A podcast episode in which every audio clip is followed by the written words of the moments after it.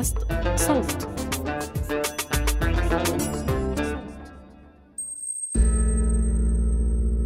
القوانين اللي بتحكم حياتنا مش أمر مسلم فيه وعشان هيك مهم تضلها دائما عرضة للسؤال والنقد. أنا روان نخلة وعم تسمعوا بودكاست أحوال من إنتاج صوت ومؤسسة فريدريش إيبرت. رح نحاول من خلال هالموسم نجاوب عن أسئلة بتخطر ببالنا كمواطنين ومواطنات بما يتعلق بقانون الأحوال الشخصية في الأردن. بهالحلقة بنكون وصلنا لنهاية هالموسم يلي ناقشنا وبحثنا من خلاله عدة مواضيع نابعة ومرتبطة بقانون الأحوال الشخصية في الأردن. تحدثنا عن الحضانة والضم، الاحتضان، تبعات الإنجاب خارج إطار الزواج، حق فاقدي السند الأسري بإثبات نسبهم، تزويج القاصرات والقاصرين، تعدد الزوجات، والزواج بين الطوائف المختلفة داخل الدين المسيحي. مواضيع على اختلافها كان إلها مكان بقانون الأحوال الشخصية. أما بحلقة اليوم رح نحكي عن تقاسم الأموال المشتركة بين الزوجين يلي لسه غير موجود بقانون الأحوال الشخصية الأردني. لكن بالأول رح أترك المجال لضيفتي يلي رح تشاركني الحديث بتقديم نفسها. أنا هالة عاهد محامية وبنفس الوقت مدافعة عن حقوق الإنسان ومهتمة بالقضايا الخاصة بحقوق النساء وحرية الرأي والتعبير وحقوق العمال على وجه التحديد. قبل ما نبدأ حديثنا معك هالة بدي أشارك قصة من عهد خلافة عمر بن الخطاب. في فترة خلافة عمر بن الخطاب كانت حبيبة بنت زريق وزوجها عمرو بن الحارث بيشتغلوا بنفس المصلحة. هي بالنسيج والتطريز والحياكة وهو بتاجر باللي هي بتنتجه. لكن لما توفى زوجها نازعوها أهله على ما ترك من أموال وممتلكات يلي اكتسبوهم الزوجين معا خلال زواجهم. الأمر اللي رفضته حبيبة فاختصمت مع أهله لابن الخطاب ليحكم بينهم. فحكم إلها بنصف المال وبتاخذ الربع من النصف الآخر أي نصيبها من مال الزوج كوارثة. وبعدين أخذ الورثة حقهم من الميراث فيما تبقى. وبناء على قصة حبيبة بنت زريق راح المذهب المالكي إلى أنه المرأة إذا كانت بتعمل وبتكسب ما يدخل ضمن أملاك العائلة فهي شريكة الزوج فيما استفاد من خدمتها بالنص بينهم. أي أنه من حق الزوجة أنه يكون إلها نصف مال الأسرة المكتسب بعد الزواج عند وقوع الطلاق أو الوفاة وقبل اقتسام الورثة استنادا لعملها في تنمية هذا المال. وهو ما يعرف بحق الكد والسعاية. والكد والسعاية يعني بذل الجهد في التحصيل والإنتاج ومن هون رح نحكي اليوم عن مفهوم تقاسم الأموال المشتركة بين الزوجين بس بالبداية هالة خلينا نفهم وين بيتقاطع مفهوم الكد والسعاية مع حق تقاسم الأموال المشتركة بين الزوجين وشو الاختلاف بين المفهومين؟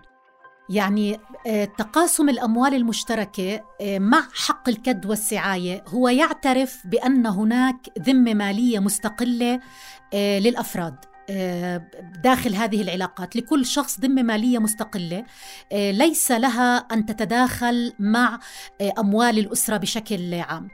ولكن هذا المفهوم يشترك بأنه يعترف بمساهمات الأفراد داخل الأسرة وعملهم. يعني وهو يكاد يكون يعني إذا تحدثنا عن تقسيم الأموال المشتركة يصبح هو الجانب العملي أو تطبيق للواقع الواقع العملي على أرض الواقع لعكس فكرة آه، أن الذمة المالية مستقله هذا جانب آه، نظري. آه، هنا يتقاطعان بمعنى أنه من يساهم في تنمية أموال الأسرة يصبح له الحق في أن يتقاسم هذه الأموال ولكن الاختلاف آه، يصبح بأنه آه، الحق الكد والسعاية هو يتعلق بكل أفراد الأسرة. طبعا لهذا يعني هناك آه، يعني ينبغي التنبيه انه نتحدث عن أفراد أسرة يساهمون في تنمية أموال الأسرة بغض النظر عن طبيعة هذه العلاقة سواء كانوا أبناء أو إخوة أو زوجة وزوج. ولكن في تقسيم الأموال المشتركة هو مفهوم ينحصر في تقسيم الأموال بين الزوجين. هذه مسألة آه، يعني الاختلاف فيها واضح.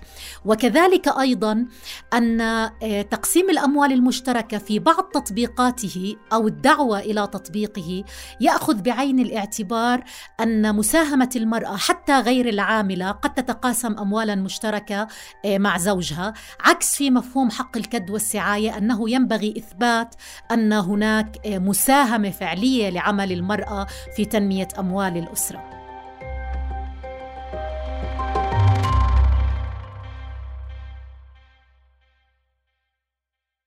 رح أتطرق معك لاحقا لتوضيح الجانب المتعلق بتقاسم الأموال إذا كانت المرأة بتعمل داخل أو خارج المنزل أو كلاهما لكن بدي أطلب منك توضحي لنا أولا كيف تنظم العلاقات المالية داخل الأسرة قانونيا في الأردن شو هي حقوق الزوج المالية وكيف بتضمنها؟ في الأردن آه، النظرية العامة للحديث عن آه، فكرة الأموال داخل الأسرة وهي أن آه، لكل من الزوجين ذمة مالية مستقلة. فبالتالي مال الزوجة للزوجة ومال الزوج للزوج. لا, لا يكون هناك أي شكل من أشكال التداخل. وقد رتب القانون سندا لأحكام الشريعة عددا من الحقوق للزوجة منها ابتداء المهر ثانيا النفقة بأن ينفق عليها ثالثا في حال آه، حدوث الطلاق آه، أو الانتهاء العلاقة الزوجية أن تأخذ المؤخر كالجزء الآخر من المهر وهو يعني الذي تأخذه لاحقا. وثم الميراث إن كانت انتهت العلاقة الزوجية بسبب الوفاة. وبالتالي لا يعترف القانون بأن هناك للمرأة حقوق مالية مختلفة عن فكرة الذمة المالية المستقلة. هذا يعني كان يعد ولا زال يعد إنجازا آه، أن ذمة كل من الزوجين هي ذمة مالية مستقلة. ولكن هذا من حيث النظرية ممتاز ولكن من حيث الواقع آه، لا لا نستطيع اليوم أن نقول بأن المرأة تحديدا المرأة التي تعمل خارج المنزل بأنها تضع أموالها في جيبها أو في حسابها في البنك وهي غير مسؤولة. اليوم النساء آه، مسؤولات بشكل كبير في آه، دعم الأسرة اقتصاديا. لدرجة أن حتى العلاقات الأسرية لم تعد هي فقط علاقات إنسانية واجتماعية وإنما هناك هي أيضا علاقة اقتصادية إلى حد كبير يعني فيها اعتماد على رب العائلة بالإنفاق وغيره. واليوم أصبحت المرأة هي يعني أيضا طرف معيل آه، داخل الأسرة بشكل أساسي. للأسف هذه المساهمة لا تنعكس باعتراف القانون بها بشكل كبير. الاعتراف كان بأن القانون سهل مسألة الإثبات بين الزوجين بأنها المرأة لا تحتاج إن أعطت زوجها مالا كقرض على سبيل المثال أن تقوم بإثباته كما يتم إثبات العلاقات التجارية أو العلاقات بين الغرباء. تستطيع إثباتها بكافة طرق الإثبات على اعتبار أن هناك آه، يعني آه، نوع من الحساسية أن تحصل المرأة على أوراق من زوجها.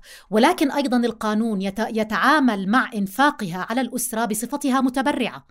آه، بحيث لا تستطيع أن تطالب لاحقا آه، آه، بهذه الأموال.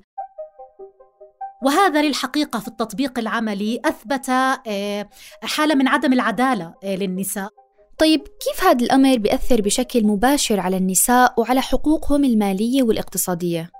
إذا آه، يعني توفى زوجها وقد ساهمت في شراء منزل أو في شراء سيارة هي كل ما ستأخذه آه، الربع إن كان لها أبناء أو الثمن يعني الثمن إن لم يكن لها أبناء والربع إن كان لها أبناء. أو إذا طلقها آه، الزوج أيضا بعد سنوات طويلة كل ما ستأخذه إن كانت استطاعت أن تثبت بالمحكمة بأن الطلاق تعسفي من نفقة سنة إلى ثلاث سنوات. فهذه إذا لن تساعد النساء في الحفاظ على الاستقرار الاقتصادي لها بعد فترة.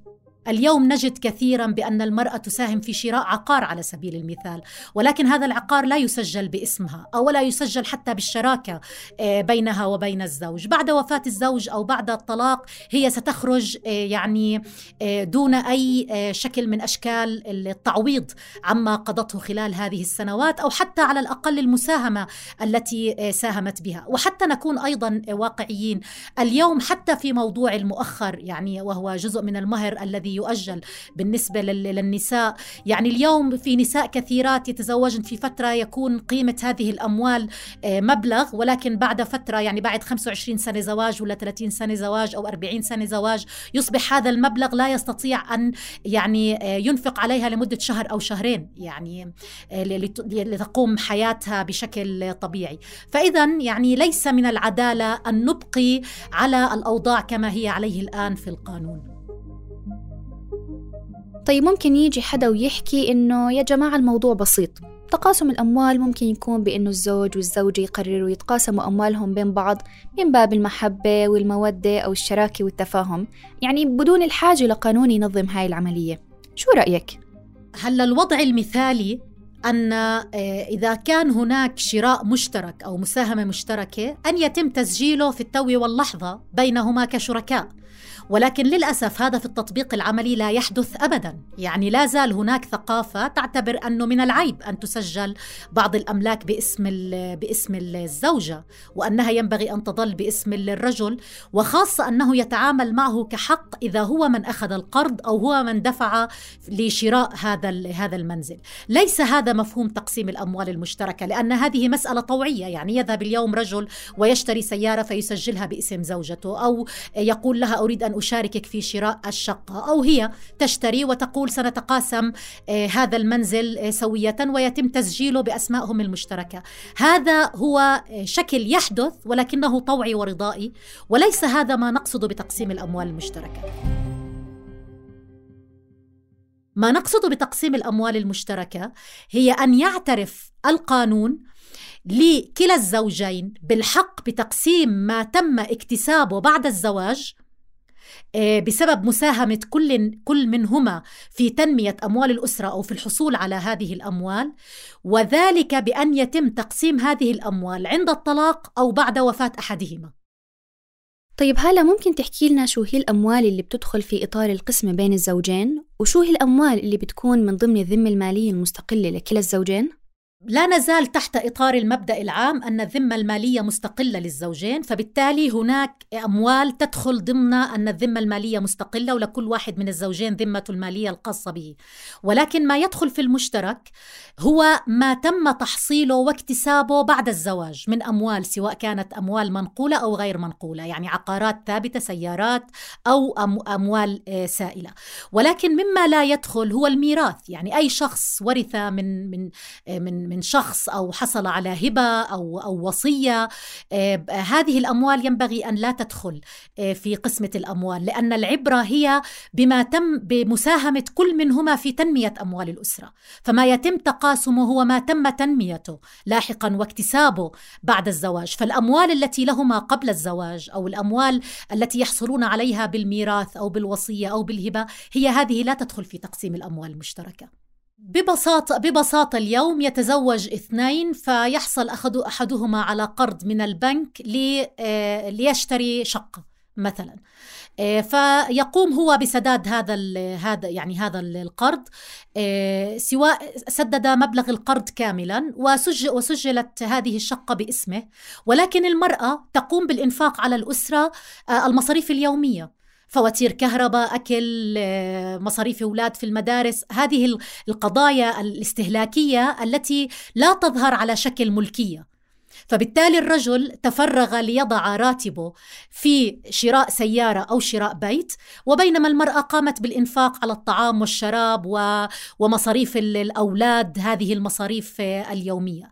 ولكن العقار ظل ثابتا هذا سواء الشقة أو السيارة سجلت باسم الزوج. فأين نصيبها هي في هذه في هذه الحالة؟ هذا هو مال مال مشترك تم المساهمة آه، به وإنمائه بسبب مساهمة المرأة. وحتى أيضا يعني حتى لا نتحدث عن المرأة التي تنفق مالا. يعني حتى المرأة غير العاملة هي توفر على زوجها آه، مدرس ليدرس الأبناء أو أن يرسل ملابسه للغسيل أو أن يعني شراء الطعام فتقوم هي بالطبخ أو بالتنظيف. هذه كلها أيضا هذا عمل ينبغي تقديره آه، اقتصاديا. فبالتالي هي أيضا ساهمت في أن وفرت عليه هذه النفقات وهذه المصاريف.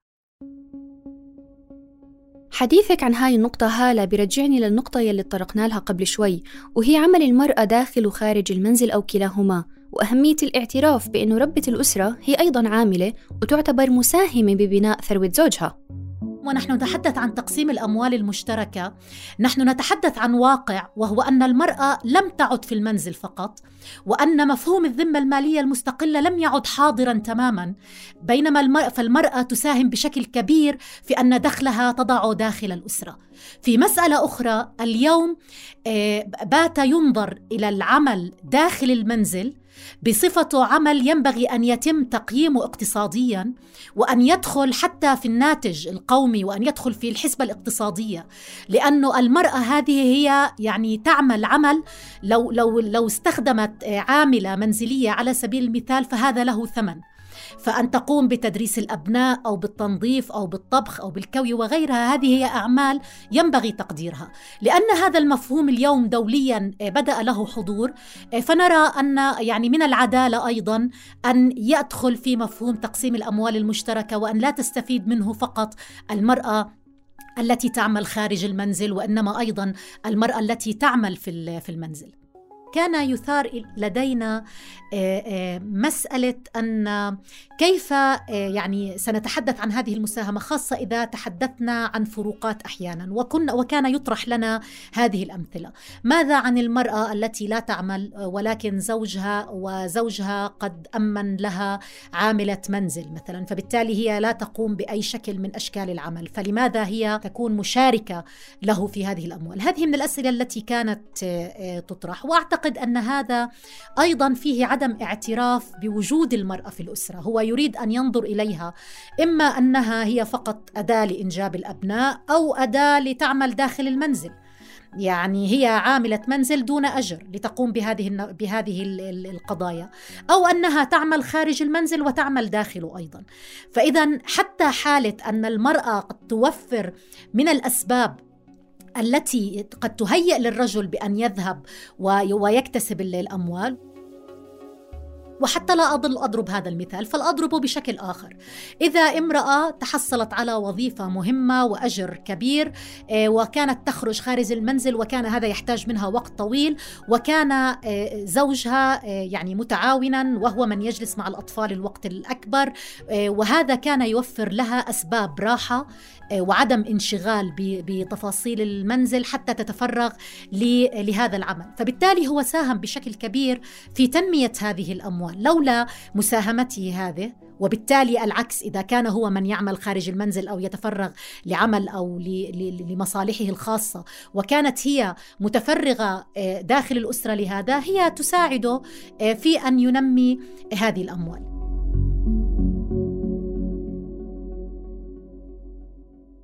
بالرجوع للحديث على النطاق الأوسع هالة بالأردن ليش ما بيعترف القانون بحق الزوجين المتساوي في ممتلكاتهم اللي تحققت خلال الحياة الزوجية؟ يعني شو المانع أو المعيق؟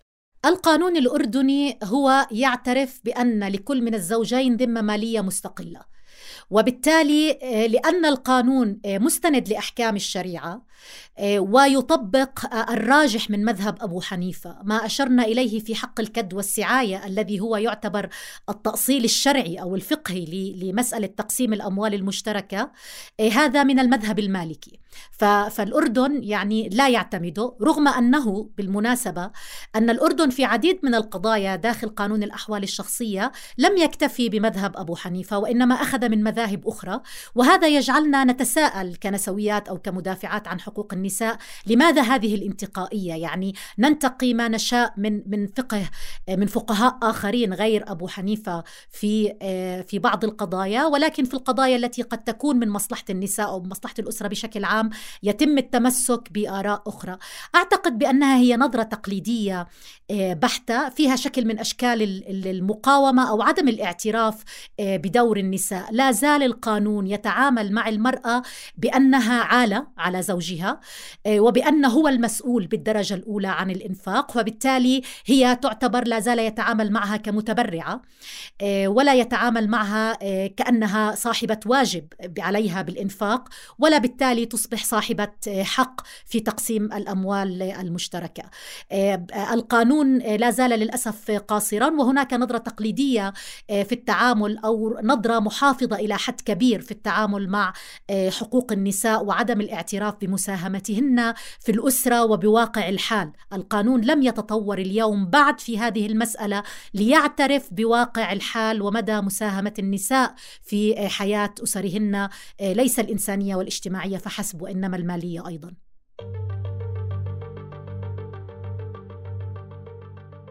في دولة مثل الأردن هالة ما فيها تطبيق لمفهوم تقاسم الأموال المشتركة ولا مفهوم حق الكد والسعاية لا عرفا ولا قانونا.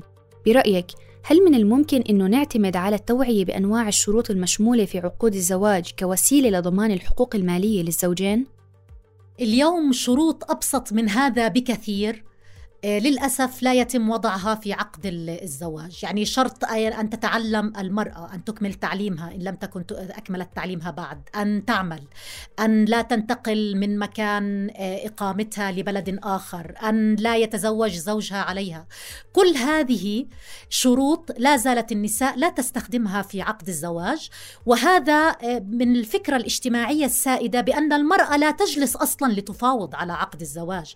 يعني هي أحيانا يعني تنيب على الأغلب والدها ليتحدث مع المأذون ومع آه، آه، زوج المستقبل ليقول نيابة عنها آه، بأنه موافق أن يقدم هذه هذا القبول على على الزواج.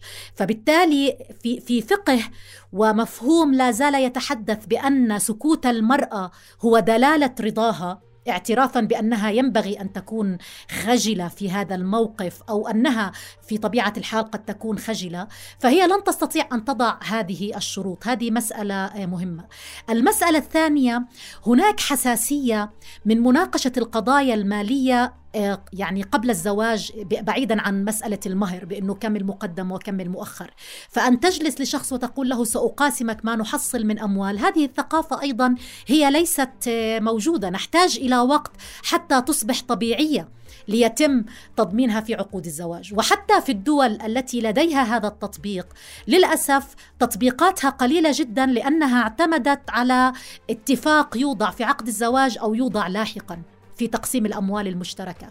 إذا ظل بهذا الحال التوعية مهمة وتمكين النساء وتوعيتها بحقوقها هذه مسألة مهمة وأن تجلس لتفاوض على ما تريد من شروط هذه مسألة نريد أن نصل إليها.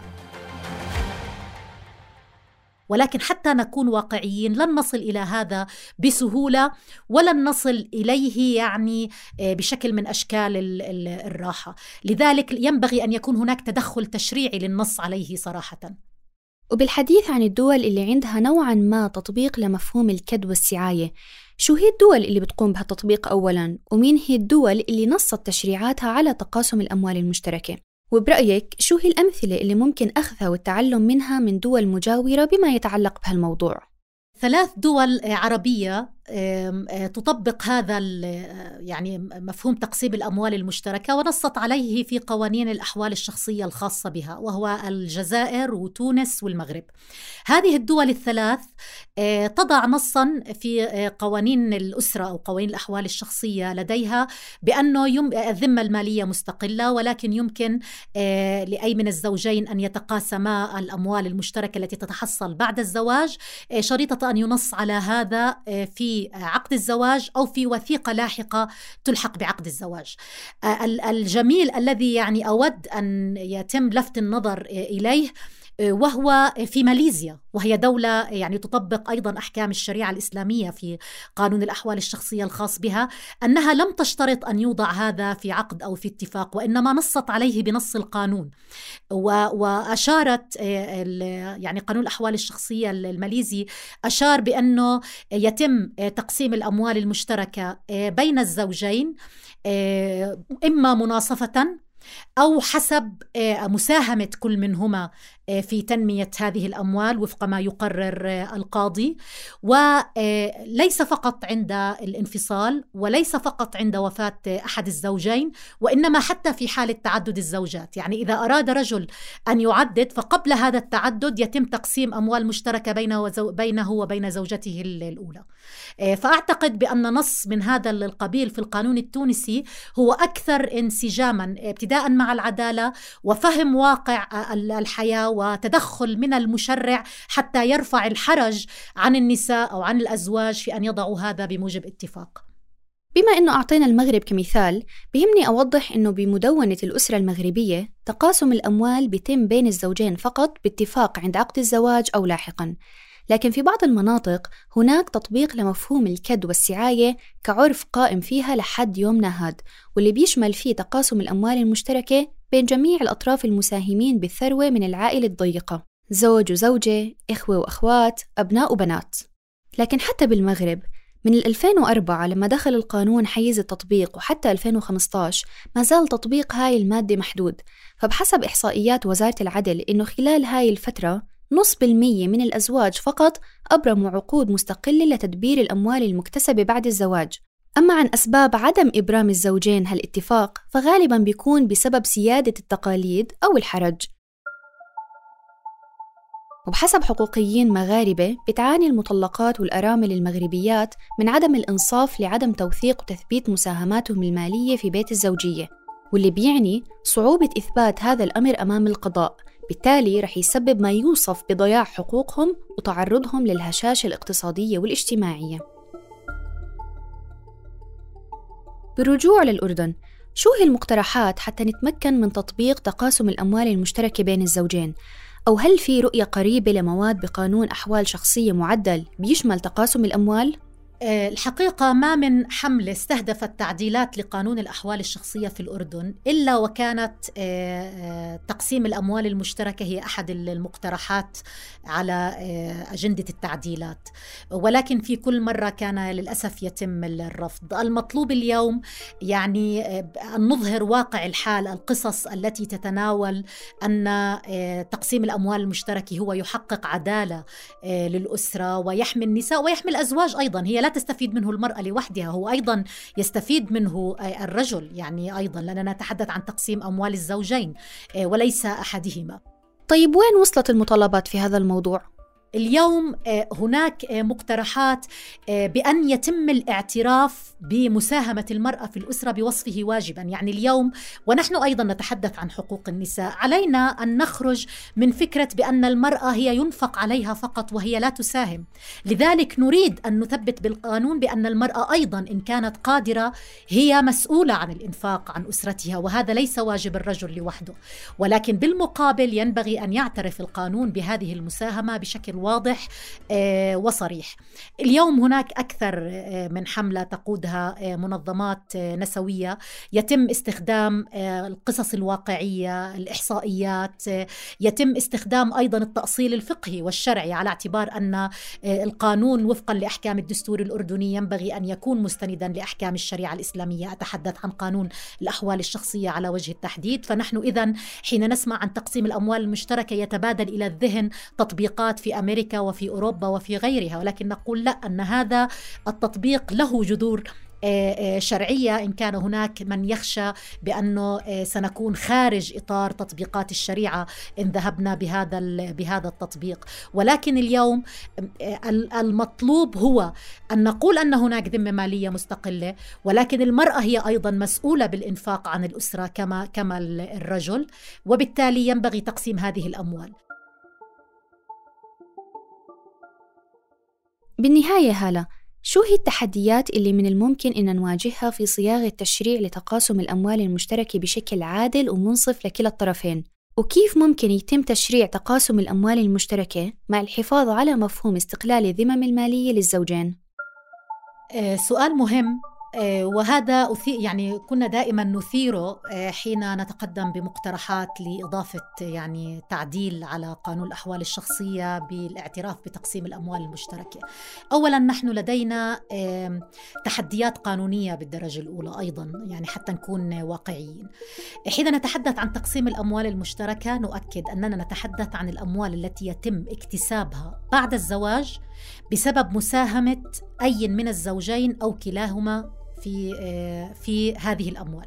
فبالتالي لا نتحدث عن ميراث لا نتحدث عن أموال سابقة لا نتحدث عن يا نصيب آه، ربح ربح أحدهما لا نتحدث عن أي من هذا. وإنما نتحدث عما تم اكتسابه بسبب جهد وعمل آه، كل منهما فيه. هذه مسألة. المسألة الثانية برز لدينا مشكلات وهي مثلا ماذا سنفعل في حال تعدد الزوجات؟ هذا سؤال يطرح في دولة لا زالت تسمح بتعدد الزوجات. ماليزيا مثلا كما أسلفت تعتبر بأنه آه، عند عندما يريد أن يعدد لزوجة أخرى آه، ينبغي تقسيم الأموال قبل أن يذهب بالزواج الجديد. ولكن ماذا إن كان قد جمع زوجتين وكليهما يساهمان في تنمية أمواله؟ كيف سيتم تقاسم هذه الأموال؟ هذا يثير أيضا يعني هذه الإشكاليات. لذلك ننظر إلى قانون الأحوال الشخصية بأنه ليس فقط في إضافة هذه المادة وإنما ينبغي ينبغي أن ننظر له كمنظومة كيف تنظر للمرأة. بمعنى ينبغي أن نلغي تعدد الزوجات إن شئت. وعلي أن أكون صريحة خاصة أنني, أنني مع إلغاء تعدد الزوجات وليس فقط تقييده. آه، اثنين أن ننظر إلى أن المرأة مساهمة بشكل أساسي وأن نعترف بأن عليها واجب الإنفاق أيضا إن كانت تستطيع بأن تقدم هذا الإنفاق. وبالتالي أن يكون هناك عدة تعديلات على قانون الأحوال الشخصية ليصبح تطبيق آه، تقسيم الأموال المشتركة أكثر واقعية.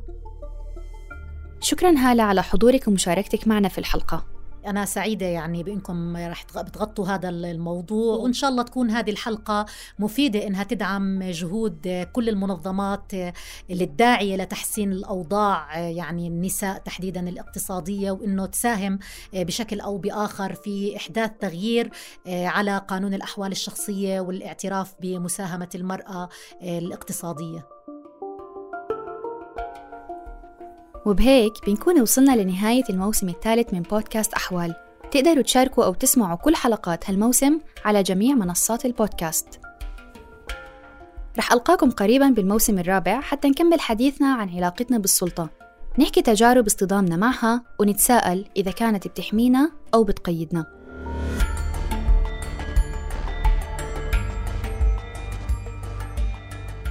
كنت معكم من البحث والتقديم روان نخلة. من الإعداد والكتابة سليم سلامة من التحرير عمر فارس من الهندسة الصوتية محمود أبو ندى.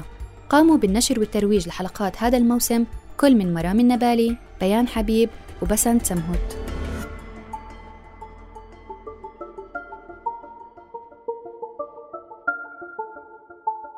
بودكاست أحوال من إنتاج صوت.